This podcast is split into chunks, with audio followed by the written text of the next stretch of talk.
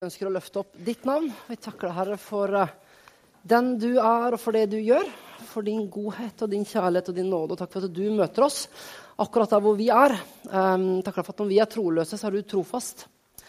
Uh, og Jesus, du ser alle våre liv og våre hjerter, og du ser alt det som ligger på hjertene våre i dag. Alt det som vi har bringt med oss til kirka i dag, alt det som er bra, alt det som er vanskelig. Takk for at vi kan legge alle ting i dine hender, og du møter oss akkurat der hvor vi er, midt i vår hverdag. Takk for det, Jesus. Mm. I Jesu navn. Amen. Amen. God morgen. God morgen. Hallo, Øyvind. God morgen. God morgen. Ja. Er du her? Bra. Så kjekt. Det er svogeren min. Det er jo bra. vet du. Herlighet. Er jeg ikke heldig? Eller det er han eller hvem det er som er heldig? Jeg vet ikke. Sånn er det. Ja.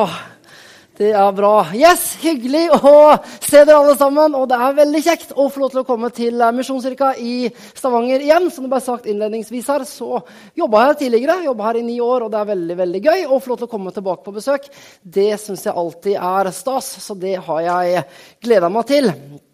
Yes, Jeg heter altså Thomas Aas Pedersen. Jobber i dag som pastor i Misjonskirken på Bryne. Så jeg er gift med Gunn Rakel, og så har vi to barn, Mathilde og Martine. Og det er eh, egentlig kort og greit og godt nok, holdt jeg på å si, om meg. Sånn er det. Yes. Ja, det er bra. I hvert fall, jeg eh, talte her sist i eh, det blir alltid så rare innledninger. Det blir alltid, oh, meg. Ja, ok. Men i hvert fall, jeg talte her sist i, eh, jeg talte her sist i september. Og temaet mitt da det var eh, typisk Jesus. For uh, noen uker siden så hadde dere besøk av en god venn av meg, Odd Inge Elemi. og Han uh, talte over, han talte over te temaet at det er typisk Jesus å vise inderlig medfølelse. Og I dag så tenker jeg litt sånn at vi skal fortsette litt i samme gate. Vi skal snakke om frihet, og at det er typisk Jesus, er typisk Jesus å sette mennesker fri. Kanskje er det sånn at vi alle sammen har noen ting i livene våre som binder oss. Noen ting som er vanskelig, noen ting som kanskje holder oss nede. Noen ting som kanskje hindrer oss i hverdagen vår. Ja, det er typisk Jesus å møte oss akkurat der hvor vi er. Og det er typisk Jesus å sette oss i frihet, og det skal vi se mer på i dag. Frihet. Frihet, hvorfor, eh, hvorfor er det viktig? Jo, for når vi opplever frihet, når vi kjenner på lave skuldre, når vi kjenner på en eh, god hjerterytme, da blir vi, og da er vi vårt beste. Hvis vi skal utvikle og bli vårt fulle potensial, så trenger vi å kjenne på frihet. Skal vi bli vårt, vi bli vårt beste, nøkkelordet, det er frihet. Og så er det også sånn at Hvis andre mennesker skal få et godt inntrykk av deg eller av meg, det beste inntrykket, det beste inntrykket det gir vi når vi er fri, og når vi er oss selv. Jeg husker tilbake når jeg var 17, 18, 19 og 20 år gammel. Da var jeg liksom alltid forelska. Jeg var av jeg var av typen som ble veldig lett betatt, eh, og så ble jeg veldig fort forelska. Og det var jo egentlig fint, det. Det var jo fint å kjenne på de følelsene. Det var fint å være forelska. Problemet var bare det at så fort eh, vedkommende som jeg var forelska i, kom inn i rommet, så rødma jeg.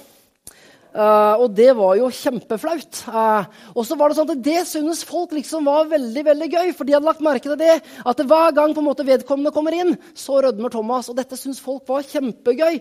Uh, så alle de så liksom på meg når de visste at det kom til å skje.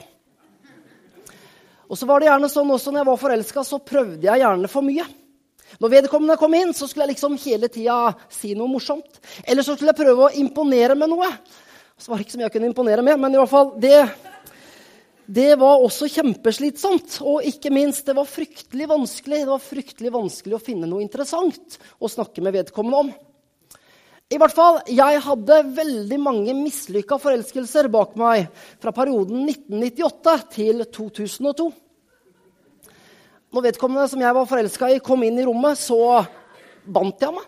Friheten, den forsvant. Det ble høye skuldre, det ble rare kommentarer. Og den store sjarmen som jeg egentlig satt på, den Den kom liksom Den kom liksom ikke til sin rett, for å si det sånn. Men i hvert fall, poenget er det at det er høye skuldre.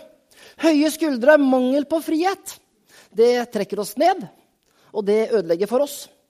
I 1994 så var det OL på Lillehammer, og i en av, og i en av konkurransene der så ble dette veldig tydelig. Det var en nydelig vinterdag, det var strålende sol, det var ikke en sky på himmelen. Det var ca. 10 minusgrader ute, og alt lå til rette for en fantastisk flott idrettsdag. Det var lagkonkurranse i hopp, det var stor bakke. Og så var Det sånn at det står to hoppere igjen på toppen. Det var Jens Weitzflog fra Tyskland og så var det Harada fra Japan. Og Utgangspunktet det er enkelt før siste hopp. Utgangspunktet det er det at Japan de kommer til å vinne. Fordi greia er at de leder med så mye. Harada han må bare hoppe et jevnt, greit hopp. Og så er liksom gullmedaljen i boks. Oppe på toppen mellom de to utøverne så foregår det plutselig et uh, psykisk spill. Jens Weisflog han går bort til japaneren når han sitter og konsentrerer seg. Og Weisflog han sier noe i retningen av Gratulerer med seieren. Dette kan ikke du tape. Det er helt umulig at du kan ødelegge for laget ditt. Og det er helt umulig at du kan ødelegge for landet ditt nå. Oppi hodet på Harada så begynte det å skje noe. Dette kan du ikke tape. Dette kan jeg ikke tape. Ødelegge for laget. Ødelegge gullfesten for hele landet. Høye skuldre. Og nå skal vi se en lite filmklipp av hva som skjedde. Vær så god, kjør film. Japan ledet med over 50 poeng på Tyskland etter tre hoppere fra hvert lag i annen omgang. Og normalt burde dette være en enkel oppgave for Masahiko Harada.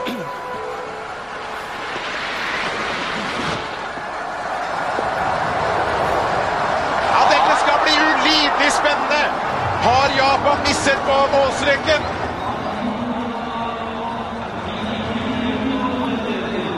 Ti meter er altså 18 poeng. 97 og en halv bare. Nei, da kan det vel ikke holde. Og. Tyskland har vunnet, og Japan, som hadde alt under kontroll, har ikke greid det.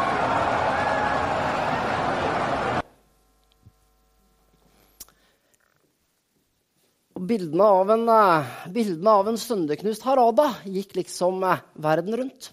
Totalt mislykka. 97,5 meter. Og greia var den at med letthet med letthet hadde han hoppa 120 meter. Han kunne liksom hoppa 120 meter i blinde. Men så var det sånn at det var noe, det var noe som uh, skjedde oppi hodet hans. Det var mangel på frihet.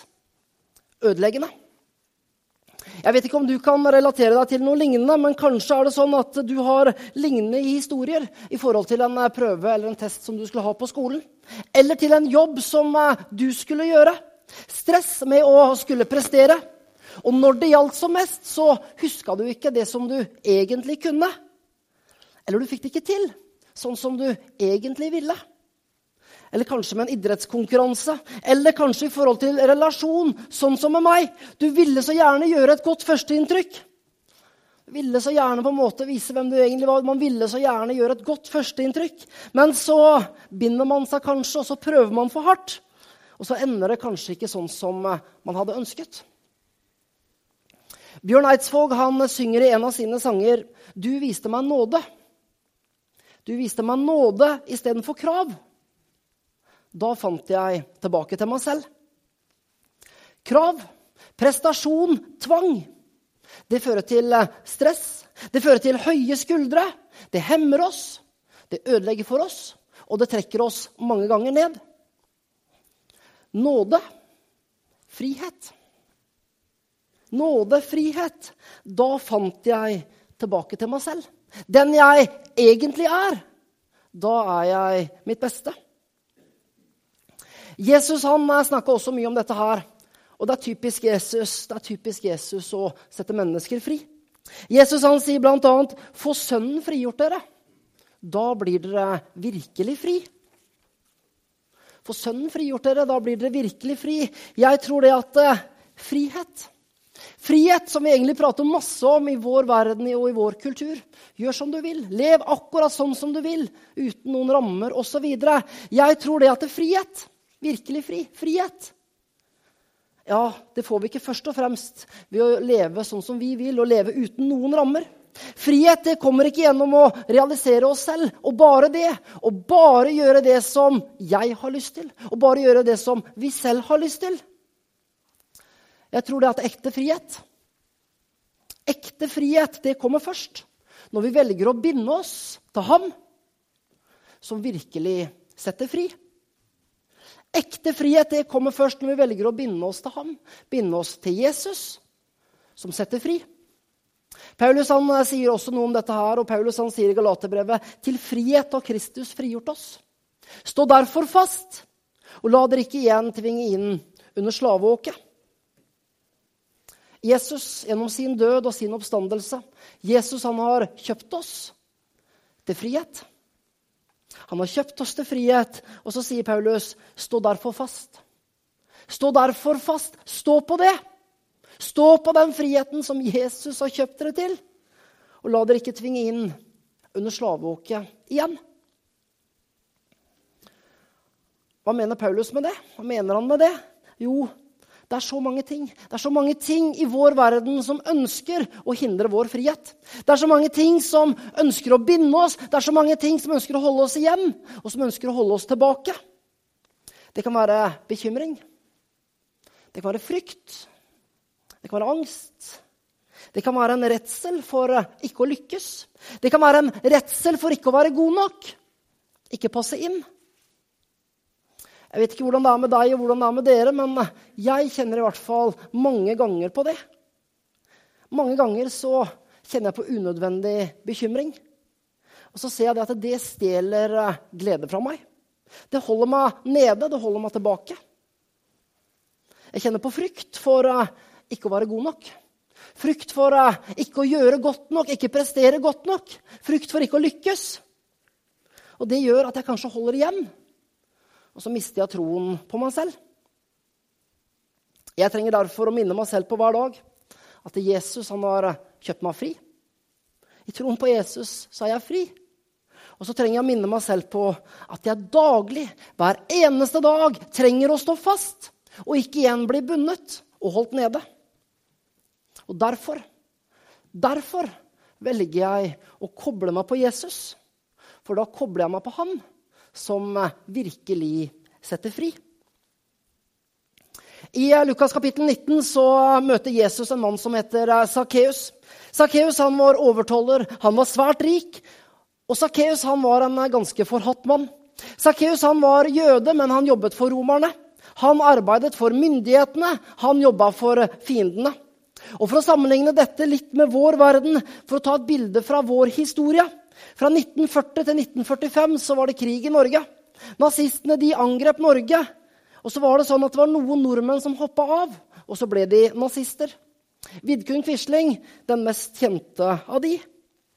Quisling var en forhatt mann i Norge gjennom krigen. Fordi han arbeidet for motstanderne. Han tjente penger, og han arbeida mot det norske folk. Han var hata. Sakkeus var egentlig en eh, sånn type. Han arbeidet for fienden. Han tjente penger for myndighetene, og så tok han penger fra sine egne. Og så tok han mer enn det han skulle, så han kunne stikke penger i sin egen lomme. Og der, der har du liksom Sakkeus. Var Sakkeus.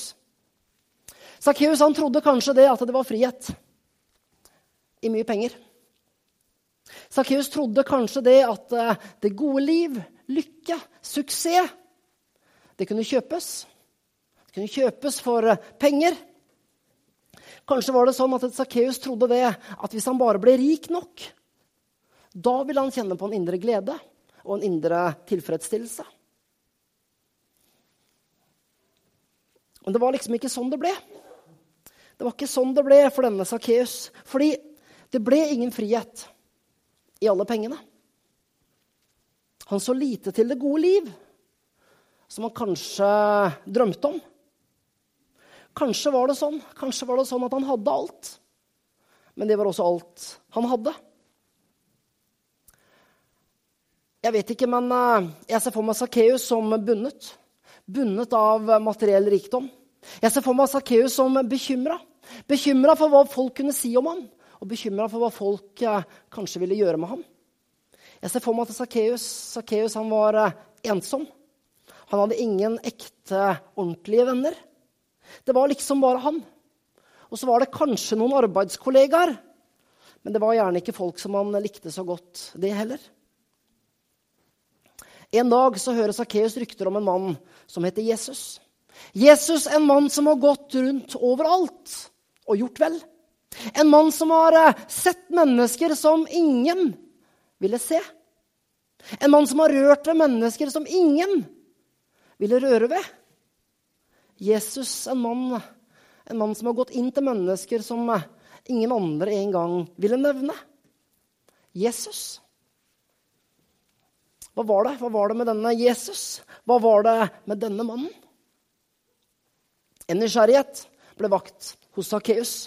Så denne dagen som det er venta at Jesus skal komme gående forbi, denne dagen så stenger Sakkeus tollboden tidlig fordi han ville se. Han ville se hvem denne Jesus er. Han ønsker bare å få et lite glimt. Et lite glimt av denne Jesus som alle mennesker prater om. Og så skal vi lese fra Lukas kapittel 19, fra vers 1, og der står det Han kom inn, altså Jesus kom inn i Jeriko og dro gjennom byen. Der var det en mann som het Sakkeus. Han var overtoller og svært rik. Han ville gjerne se hvem Jesus var, men han kunne ikke komme til for folkemengden fordi han var liten av vekst. Da løp han i forveien og klatret opp i et morbærtre. Jeg trodde før det stod jordbærtre, men det var grenser for hvor liten han var. For å se ham på et sted hvor han uh, måtte gå forbi. Og der oppe i treet der oppe i treet der sitter Sakkeus og venter. Og så venter han på at Jesus skal komme gående forbi. Og Så ønsker Sakkeus bare å få et lite glimt et lite glimt av denne Jesus.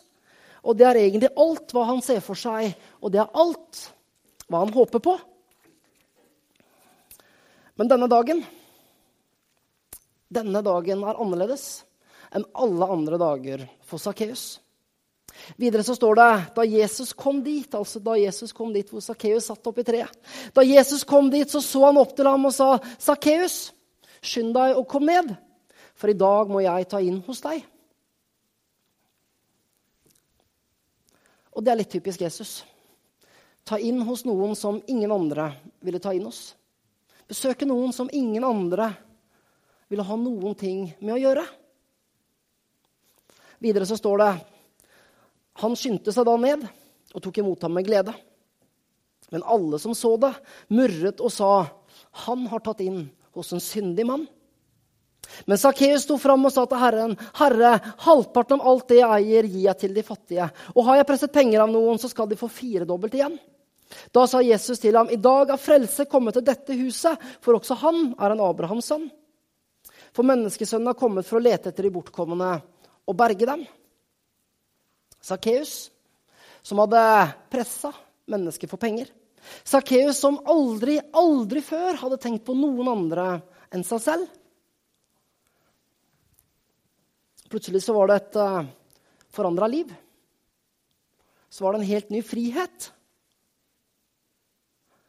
Et helt nytt liv. Fordi frelse kom.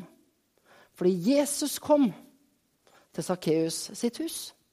Fordi, fordi Jesus kom til Sakkeus sitt hjerte. Sakkeus trodde gjerne det at friheten, friheten lå i det materielle.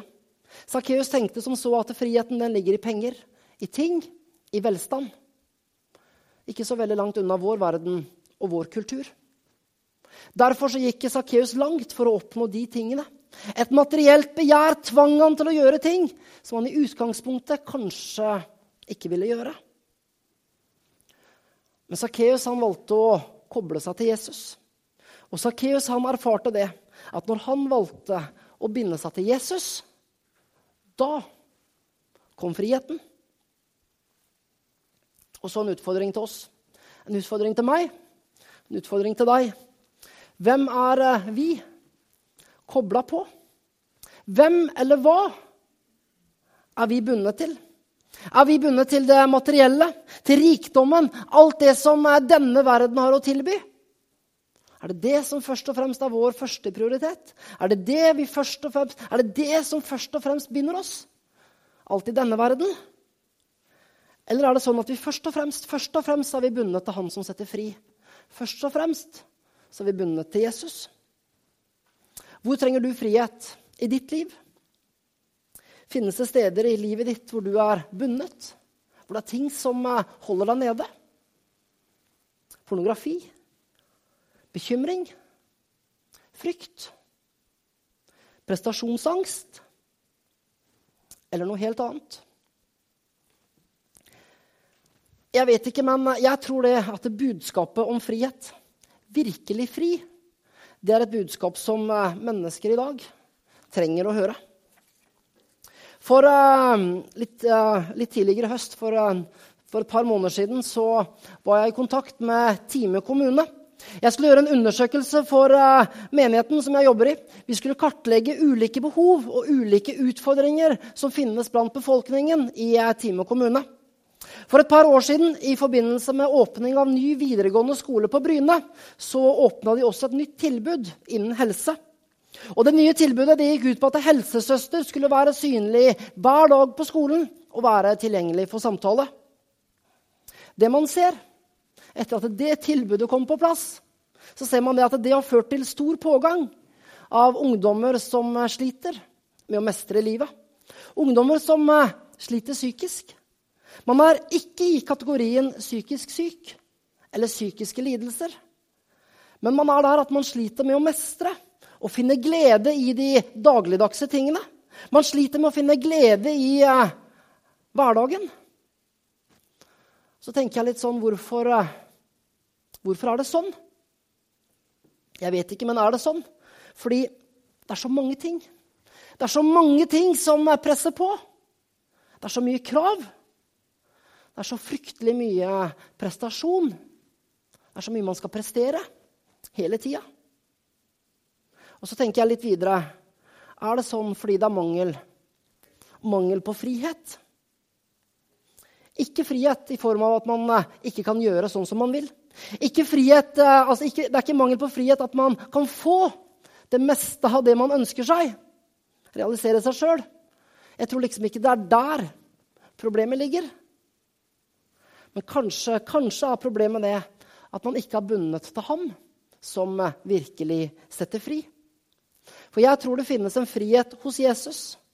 En frihet som man ikke finner noen andre steder. Og en frihet som er tilgjengelig gjennom troen på ham. For det er nemlig typisk Jesus å sette mennesker fri. Og det er typisk Jesus å møte oss akkurat der hvor vi er. Verden har ikke sagt nei til Jesus. Den vet bare ikke hvordan han ser ut, sier Martin Cave, pastor i Imekirka her i Stavanger. Og Kanskje er det tid for at vi ser at det er frihet Frihet det er ikke å være fri fra alt, men frihet det er å være bundet til ham som setter fri. Helt til slutt og mot avslutning. Det går ikke an å snakke om frihet uten å snakke om eh, tilgivelse. For tilgivelse, det løser. Og tilgivelse, det setter i frihet. Og tenk, tenk hvilken kraft som ligger i nettopp eh, tilgivelse. Og tenk hvilken frihet det ligger i tilgivelse.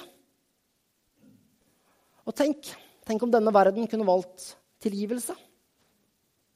Jesus han tilga gjennom sin død og oppstandelse våre synder. Mine synder, våre synder. Jesus han tilga, og det er bakgrunnen for vår frihet når vi eh, tror på ham. Tilbake i 2004 eh, så ble, vi, eh, så ble vi her i Stavanger vitne til et av norgeshistoriens største ran, Nokas-ranet. Politimannen Arne Sigve Klungland han ble drept. Tragisk. Og I ettertid så har sønnen til Klungland, Kjetil Klungland, han har vært mye i media. Fordi Kjetil han valgte nettopp tilgivelse. Ved slike hendelser når ens nærmeste blir drept, så velger folk ofte hat. Og egentlig så er det forståelig nok. Man hater vedkommende. Og man ønsker på mange måter at den skyldige bare skal råtne bort. Kjetil han kjørte fra dag én en helt annen linje. 'Jeg tilgir'. Det var Kjetils sterke appell. Og Gjennom en dokumentar på NRK sitt program Brennpunkt så følger vi Kjetil når han møter faren sin, drapsmann Kjell Alrik Schumann. Kjetil han kommer med en uforbeholden tilgivelse. Og Schumann, den tungt kriminelle, han svarer Man har jo møtt veldig mye hat i denne situasjonen her. Man har jo det. Og da er det, veld, da er det veldig uventet å møte forståelse eller en slags aksept eller en slags tilgivelse for et menneske som står så sentralt i dette, sier Schumann til Kjetil Klungland. Møtet med Kjetil og farens drapsmann, det er sterkt. En tungt kriminell som kanskje gjennom hele sitt liv har levd under man får det man fortjener. Som kanskje gjennom hele sitt liv har vært vant til å ta igjen. Plutselig så blir han møtt med en åpen hånd. Tilgivelse. Jeg tilgir. Frihet. For Kjetils del så er dette også sterkt. Det er livsforvandlende. Og Kjetil han sier tilgivelse betyr for meg å sikre min egen livskvalitet. Jeg tenker at Hvis jeg tilgir, så er det min egen livskvalitet jeg sikrer. Jeg kjenner på meg selv at jeg har et veldig godt liv i dag, og jeg er veldig takknemlig for det. Jeg tror at tilgivelsen har mye med det å gjøre. Tilgivelse den sterkeste kraften. Som sagt, frihet. Frihet er ikke å være fri fra alt. Men frihet er å binde seg til Han som kommer med frihet. Han som tilgir, og han som møter oss akkurat der hvor vi er. Han som møter oss akkurat i vår hverdag, med alle våre ting, i våre relasjoner, i våre familier, i vårt arbeid, i alt. Jesus han kom med frihet. Han ser til hjertene våre. Og så ønsker Jesus å løse opp de tingene som kanskje holder oss tilbake, de tingene som eh, kanskje er vanskelig. Vi skal ta litt tid på slutten, og så skal vi be litt sammen. Og så kommer jeg til å la det være stille lite grann. Kanskje er det sånn at du har noen ting som ligger på ditt hjerte, som du sier OK, Jesus, dette her har jeg holdt på for lenge nå. Og kanskje har du lyst til Jesus og så si dette må du ta. Eh, og så kan vi få lov til å legge det hos Jesus. Kanskje har du gjort det mange ganger før, men så er det noe av det som Paulus sier. Til fri. Altså, Kristus har kjøpt oss til frihet, men stå fast. Jeg trenger å gjøre det mange ganger. Det er så mange ting som ligger på mitt hjerte, som jeg mange ganger har gitt til Jesus. Og så vet jeg at jeg trenger å stå fast i det. For det ligger hos Jesus. Han har tatt det. Himmelske Far, jeg takker deg, Herre, for at du kom. Og jeg takker deg, Jesus, for at du kom med frihet. Og takk, Jesus, for at du satte oss fri gjennom din død og din oppstandelse. Og takk for at du møter oss akkurat der hvor vi er. Og Jesus, du ser våre liv, og du ser våre hverdager, du ser våre hjerter. Og du ser de tingene som ja, kanskje er vanskelig, de tingene som holder oss tilbake. Og Jesus, vi ønsker nå å legge det i dine hender, Herre Jesus. Kom, Herre.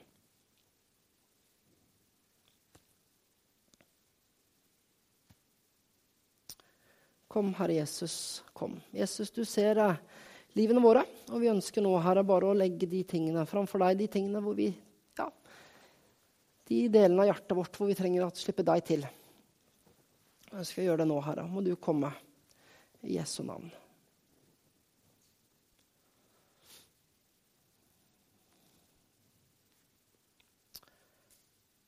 Hør vår bønn, Herre.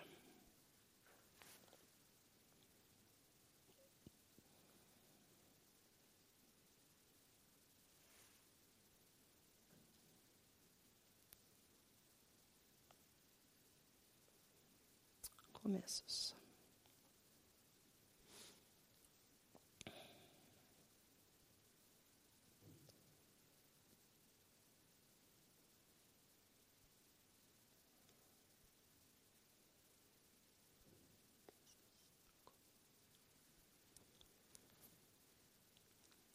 Herre Jesus, takk for at du hører alle våre bønner. Takk for at du tar imot alt det som vi gir til deg. Og så ber jeg, Herre, for den enkelte av oss at du skal gi oss styrke til oss å stå fast i deg. Og jeg ber, Herre, for mange av oss at når vi går ut av kirka i dag, så går vi ut med en ny frihet. Og så legger vi tilbake Så legger vi fram for deg, Herre, mange av de tingene som har tynga oss. Og så kjenner vi på et lettere sinn og en lettere hverdag når vi går fra kirka i dag. Dette du skal sette i frihet, Herre, i Jesu navn. Og så legger vi det her. I Jesu navn. Og må du, Herre, velsigne den enkelte med liv og familier og hverdag og jobb og alt. I dine hender, Herre. I Jesu navn vi ber. Amen.